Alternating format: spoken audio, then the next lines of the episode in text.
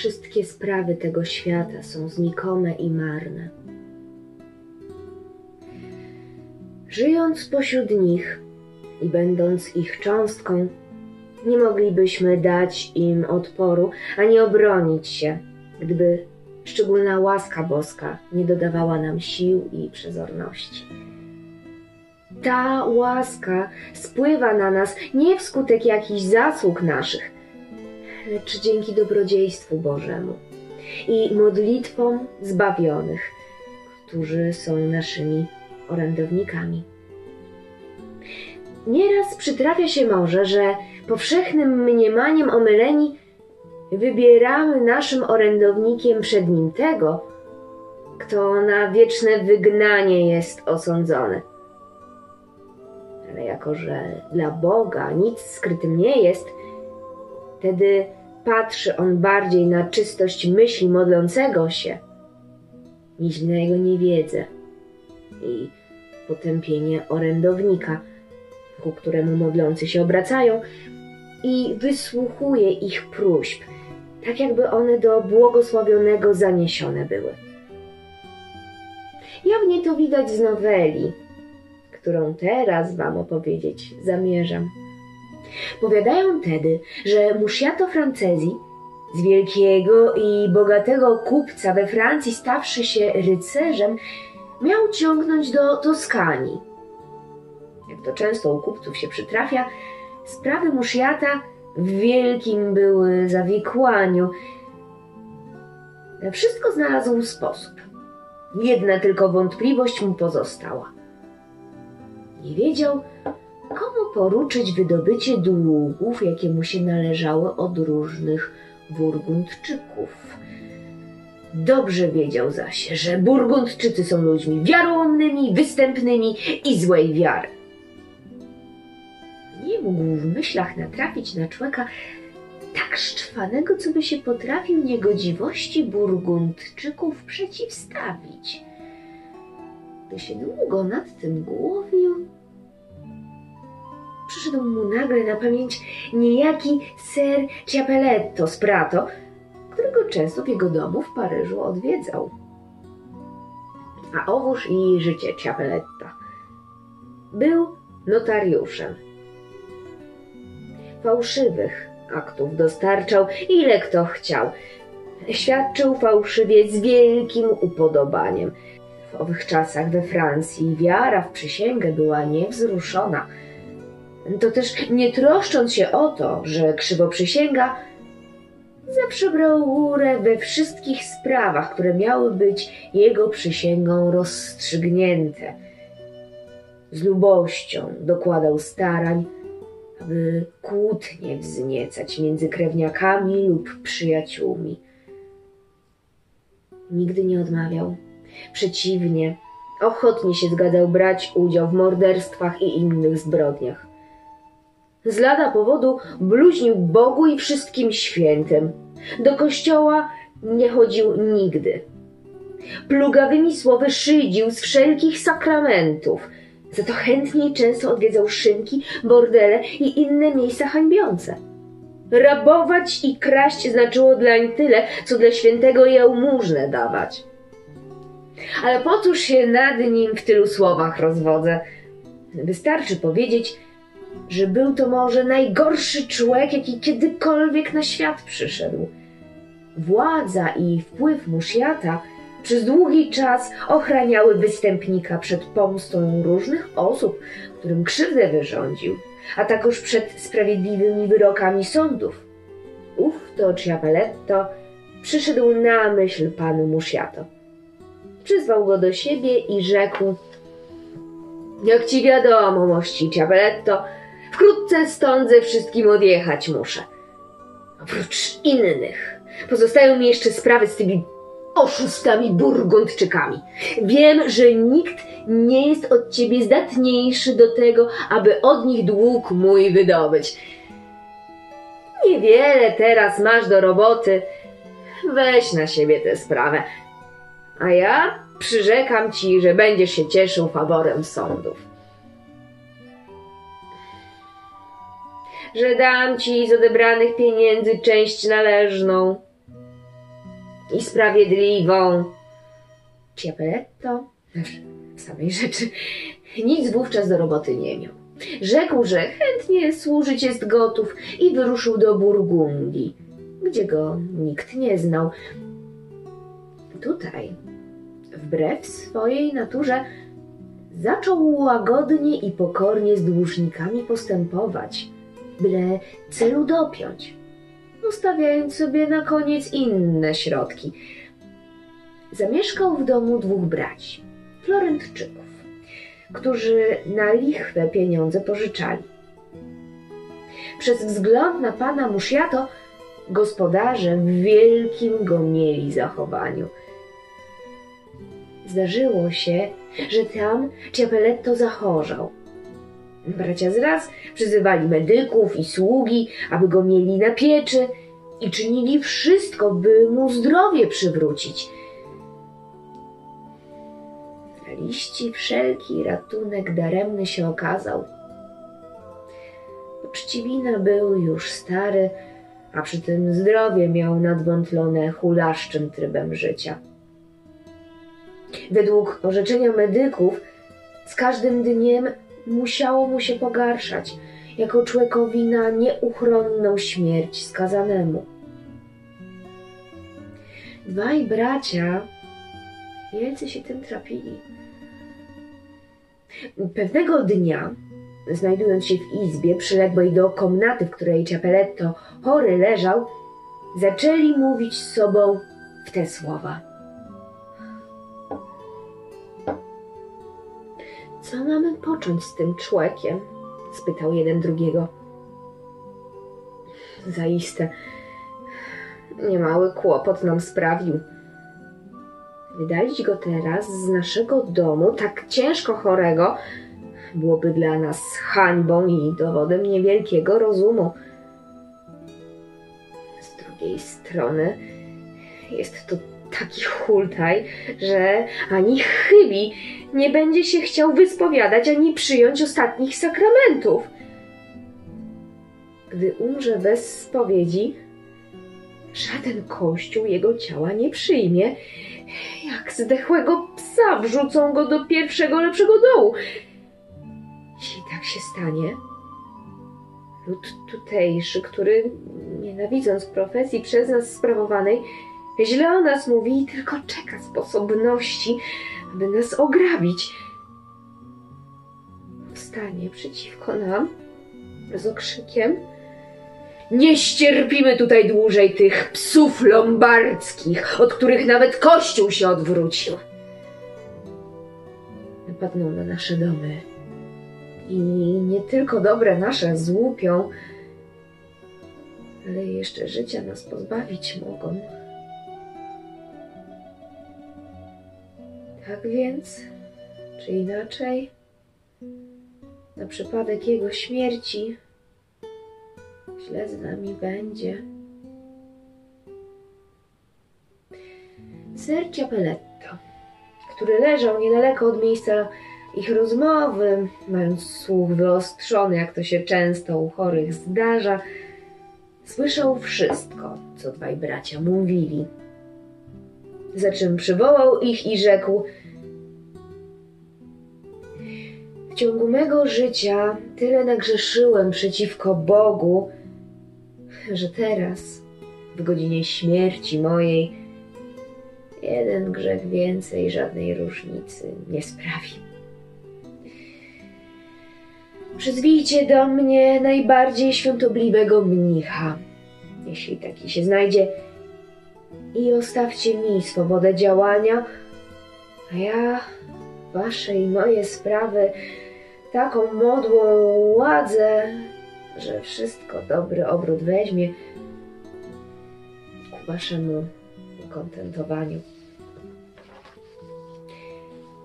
Dwaj bracia, chociaż niewielką ufność w jego słowa pokładali, jednakoż udali się do klasztoru i poprosili, aby któryś z mądrych i świętych mnichów wyspowiadał Lombardczyka leżącego na łożu niemocy w ich domu. Dano im mnicha, sędziwego, słynącego ze świątobliwości żywota i w Piśmie Świętym wielce zawołanego. Ten człek czcigodny cieszył się szczególnie wielką estymą wszystkich mieszczan.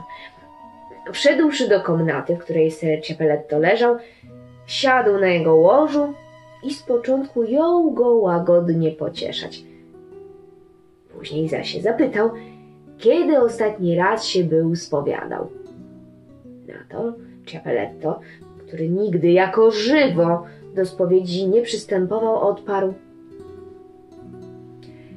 jest moim obyczajem, ojcze, spowiadać się przynajmniej raz w tygodniu. Jednakoż były mnogie tygodnie, gdy to częściej czyniłem. Ale wyznać muszę, że od czasu, gdy zachorowałem, już osiem dni przeszło bez spowiedzi. Tyle bowiem cierpienia mi ta boleść przyczyniła. Dlatego też proszę was, ojcze wielebny, abyście o każdą rzecz szczegółowie się wypytali, tak jakbym nigdy się nie był spowiadał, nie zważając przy tym wcale na to, że jestem chory. Wolę raczej udręczyć mój zewłok cielesny, niźli, folgując mu, narazić na zgubę duszę moją, odkupioną drogocenną krwią Zbawiciela. Słowa te wielce przypadły do smaku wielebnemu ojcu, gdyż zdały mu się oznaką świątobliwego stanu duszy. Pochwaliwszy Ciapeletto za jego dobry obyczaj, zapytał się go, zali się rozpustą, z jaką białogłową nie splugawił? Ser Ciapeletto odparł z westchnieniem – tej materii, wielebny ojcze, wstydzę się wyznać prawdę, obawiając się, abym nie popadł w grzech chełpliwości. Mów śmiało, mój synu, rzecze mnich. Nikomu za grzech nie było jeszcze poczytane wyznanie prawdy, czy to na spowiedzi, czy gdzie indziej. Z tym zapewnieniem odparł Ciapeletto. Wyznam wam całą prawdę. Jestem do tych pór jeszcze tak dziewiczy, jak wówczas, gdy wychodziłem z żywota matki mojej. O! Niechże Bóg cię błogosławi! zawołał mnich. Jakżeś zacnie sobie poczynał. Zasługa twoja jest tym większa, że mogłeś czynić przeciwnie z większą swobodą niż my i ci wszyscy, co surowym regułom są poddani. Później ojciec wielebny zapytał go, zali zbytnim obżarstwem przeciwko Bogu nie zgrzeszył. No to Cialetto z głębokim westchnieniem odparł, że siła razy tak zawinił. Prawda, że oprócz Wielkiego Postu, który ludzie nabożni każdego roku zachowują, przywykł jeszcze do postów o chlebie i wodzie trzy razy w tygodniu. Jednakowoż pił tę wodę z taką lubością i tak chciwie, jak pijacy wino piją, Osobliwie, gdy się czuł utrudzonym pielgrzymkami do miejsc świętych lub ćwiczeniami nabożnymi. Oprócz tego nieraz przychodziła mu chętka na sałatę straw, jaką przyrządzają kobiety na wiejskich wywczasach. Jadł ją nieraz z większym ukontentowaniem niż to przystoi człowiekowi, który pości dla bojaźni Bożej. Bracie mój, rzeczy mnich, wszystko to są grzechy letkie i płynące z przyrodzenia naszego. Nie udręczaj zatem nimi sumienia swego więcej niż potrzeba. Nawet najświętszemu człowiekowi wybaczyć należy, jeśli po długim poście w jedzeniu smak znajduje, a po wielkim utrudzeniu wodę pije z ochotą. Ach, mój ojcze, zawołał Ciapeletto. Nie powiadajcie mi tego na pocieszenie. Wiem o tym dobrze, jako i wy wiecie, że ten, kto chce służyć Bogu, winien tę służbę sprawiać w czystości myśli i bez nijakiej zmazy. Kto zaś inaczej czyni, grzeszy. Mnich, wielce ukontentowany, rzekł: Raduję się, że tak myślisz i chwalę czystość sumienia twego. Powiedz mi jednak, czyś chciwością nie grzeszył i nie żądał więcej niż się należało, albo też czyś nie owładał dobrem cudzym. Nie sądź o mnie źle, ojcze, odparł Ciapeletto, widząc mnie w domu lichwiarzy. Nie mam z nimi nic wspólnego. Przeciwnie, przybyłem tutaj, aby ich zawstydzić, ukarać i odwieść od tego bezecnego rzemiosła. Mniemam, że byłoby się mi to i udało, gdyby Bóg niemocy na mnie nie spuścił. Wszystko, co zawsze zarobiłem, dzieliłem na dwie części. Połowę oddawałem biedakom, a drugą obracałem na swoje potrzeby. Bóg mi pomagał i sprawy moje szły z dnia na dzień coraz to lepiej. Doskonale czyniłeś, zaiste, rzekł mnich. Ale powiedz mi, czy się nigdy gniewem nie zapalał? Mówiąc prawdę, odparł Ciapeletto, nader często się to zdarzało. Któż jednak może swój gniew zdzierżyć, widząc codziennie, jak ludzie występki popełniają, przekraczają przykazania boskie i nie boją się sądu Boga? Nieraz wolałbym był raczej umrzeć, niż patrzeć, jak młodzieńcy marnym rzeczom świata tego hołdują, jak przysięgają i fałszywie świadczą, i jak miast kościołów odwiedzają szynki, wybierając nie drogi Boże, lecz drogi doczesnego świata. Sprawiedliwy jest to gniew, mój synu, rzekł mnich, i nie mógłbym zań na ciebie pokuty nałożyć.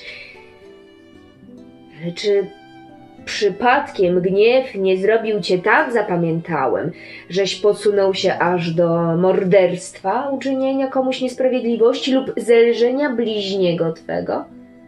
Ach, ojcze wielebny, zawołał Ciapeletto, zdajecie mi się być świątobliwym człowiekiem. Takie rzeczy powiadacie. Gdyby mi choć na myśl przyszło uczynić jedną z tych rzeczy, o jakich mówicie, zajżby mnie Bóg tak długo na świecie utrzymał? Do takich postępów zdolni są tylko łotrzy i morderce. Gdy takiego grzesznika ujrzałem, zawsze mówiłem mu: idź i niech cię Bóg na prawą drogę sprowadzi. Powiedziałeś mi, rzekł mnich, żeś się handlem parał. Zajżeś nie oszukał kogoś, jak to często kupcy czynią? Na mą duszę, ojcze, zawołał Ciapeletto. Muszę wyznać, że tak. Zdarzyło się pewnego razu, iż jeden człowiek oddał mi należność za sprzedany postaw sukna, a ja nie licząc rzuciłem pieniądze do skrzyni.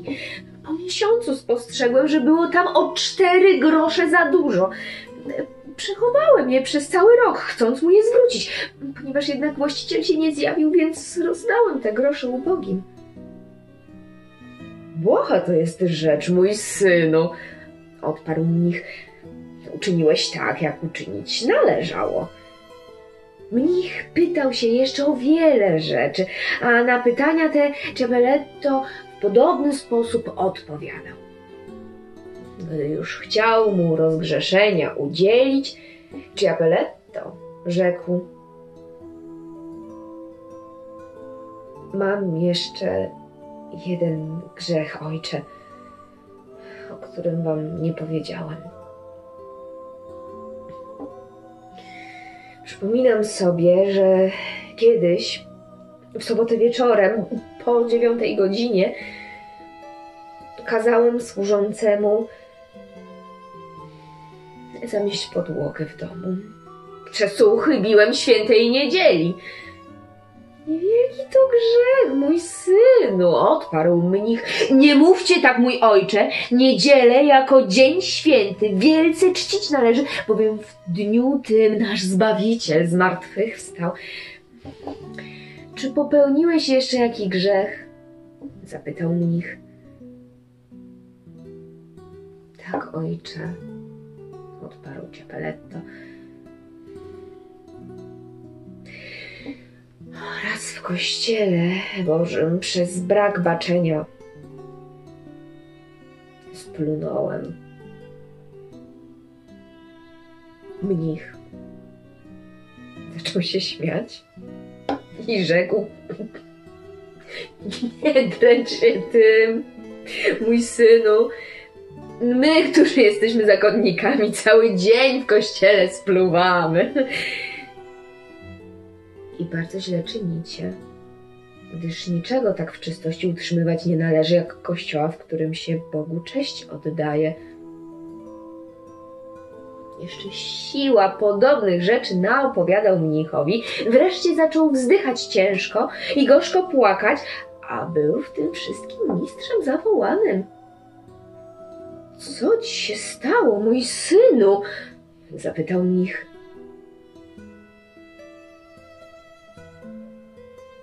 Biada mi. Ojcze wielebny, Odparł ser Ciabeletto. jeszcze mi zostaje jeden grzech, z którego mi się nigdy nie wyspowiadał. Tak się go powiem, sromam okrutnie. Co mówisz, mój synu? rzekł mnich.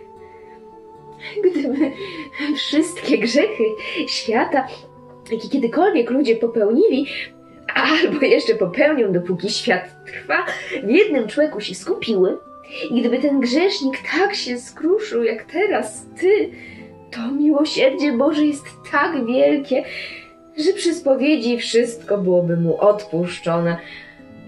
Mów zatem śmiało. Ser Ciapeletto, ciągle płacząc, nie mógł wymówić jednego słowa, choć go mnich nieustannie pocieszał. Wreszcie, gdy już kęs czasu mnicha w takiej niepewności trzymał, westchnął ciężko i rzekł –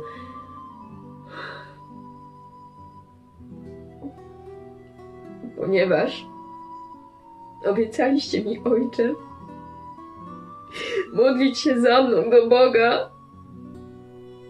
Wyznam wam więc mój grzech.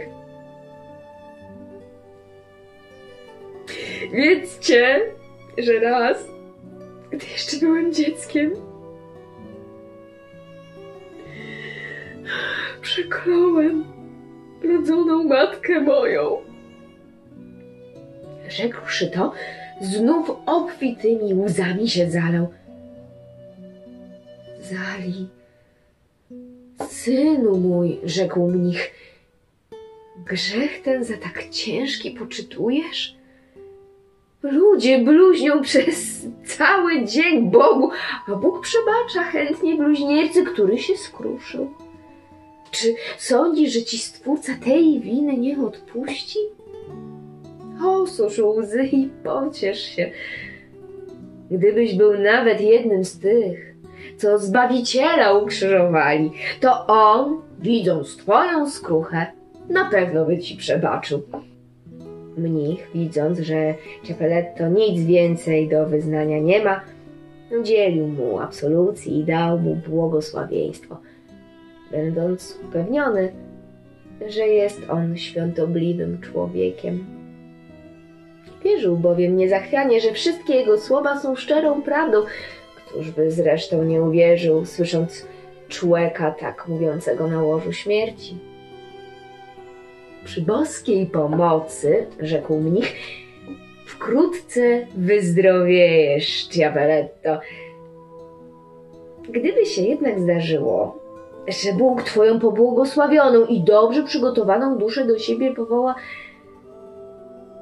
Zali byś zezwolił, aby ciało Twoje w naszym klasztorze pogrzebione zostało? Tak, mój ojcze, odparł Ciapeletto. I nie chciałbym być pochowanym gdzie indziej.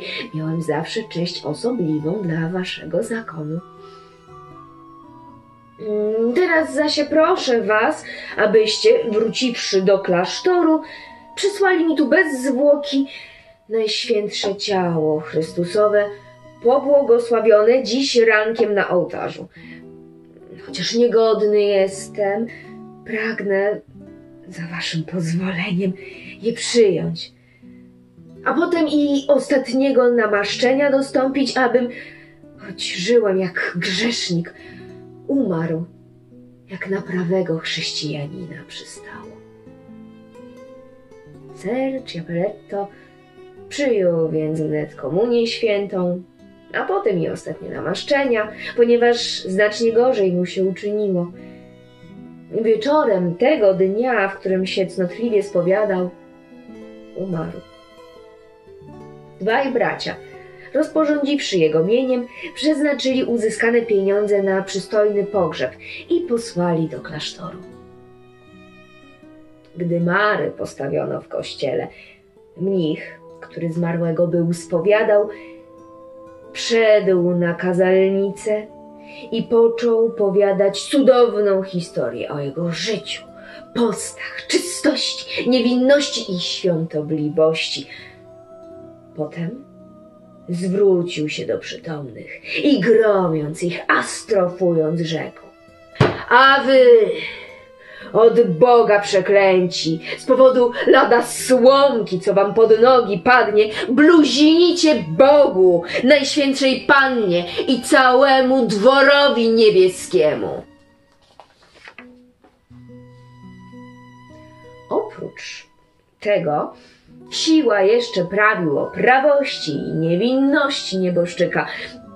Słowa te, którym cały lud uwierzył, wielki skutek sprawiły. Także po skończonym nabożeństwie wszyscy co do jednego rzucili się całować ręce i nogi nieboszczyka. Porwano przy tym na nim suknię, a każdy, kto posiadał choćby strzępek materii, już się ze szczęśliwego poczytywał. Ciało było wystawione przez cały dzień w kościele, tak aby każdy mógł je odwiedzać i oglądać. Gdy noc zapadła, złożono nieboszczyka do marmurowego grobu i pochowano uroczyście w kaplicy. Następnego dnia lud zaczął odwiedzać jego grób, zapalać świece, śluby czynić i stosownie do ślubów wota woskowe zawieszać. Sława jego świętości tak wzrosła, że prawie nikt w potrzebach i uciskach swoich do innego świętego się nie uciekał.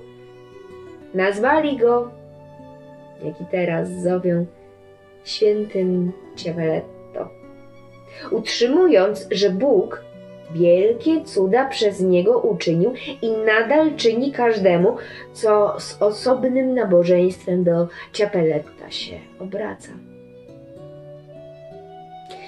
Tak tedy żył i umarł ser Ciapeletto Sprato, który stał się świętym. Jakoście to słyszeli. Nie chcę twierdzić, iżby nie mógł zbawienia w obliczu Boga dostąpić, choć bowiem życie jego było występne i plugawe. To przecie w ostatniej godzinie, pokajawszy się i skruszywszy, mógł miłosierdzia boskiego zaznać i do raju przyjęty zostać.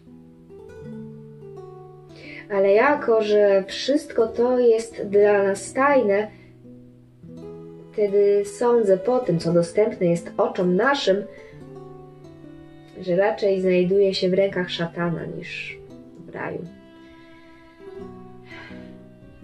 Jeśli tak jest, uznać musimy, że nieskończona jest wobec nas dobroć Boga, który patrzy nie na błędy nasze, lecz na czystość naszej wiary. Czynimy naszym orędownikiem wroga Bożego, mniemając, że jest on Bogu miły, a Bóg nas wysłuchuje, jakbyśmy do prawdziwego świętego modły zanosili. Aby łaska boska losów dzisiejszych przeciwności, zdrowych i całych nas zachować mogła, wychwalajmy Jego imię, które położyliśmy na wstępie tej powieści i w potrzebach naszych do Niego się uciekajmy.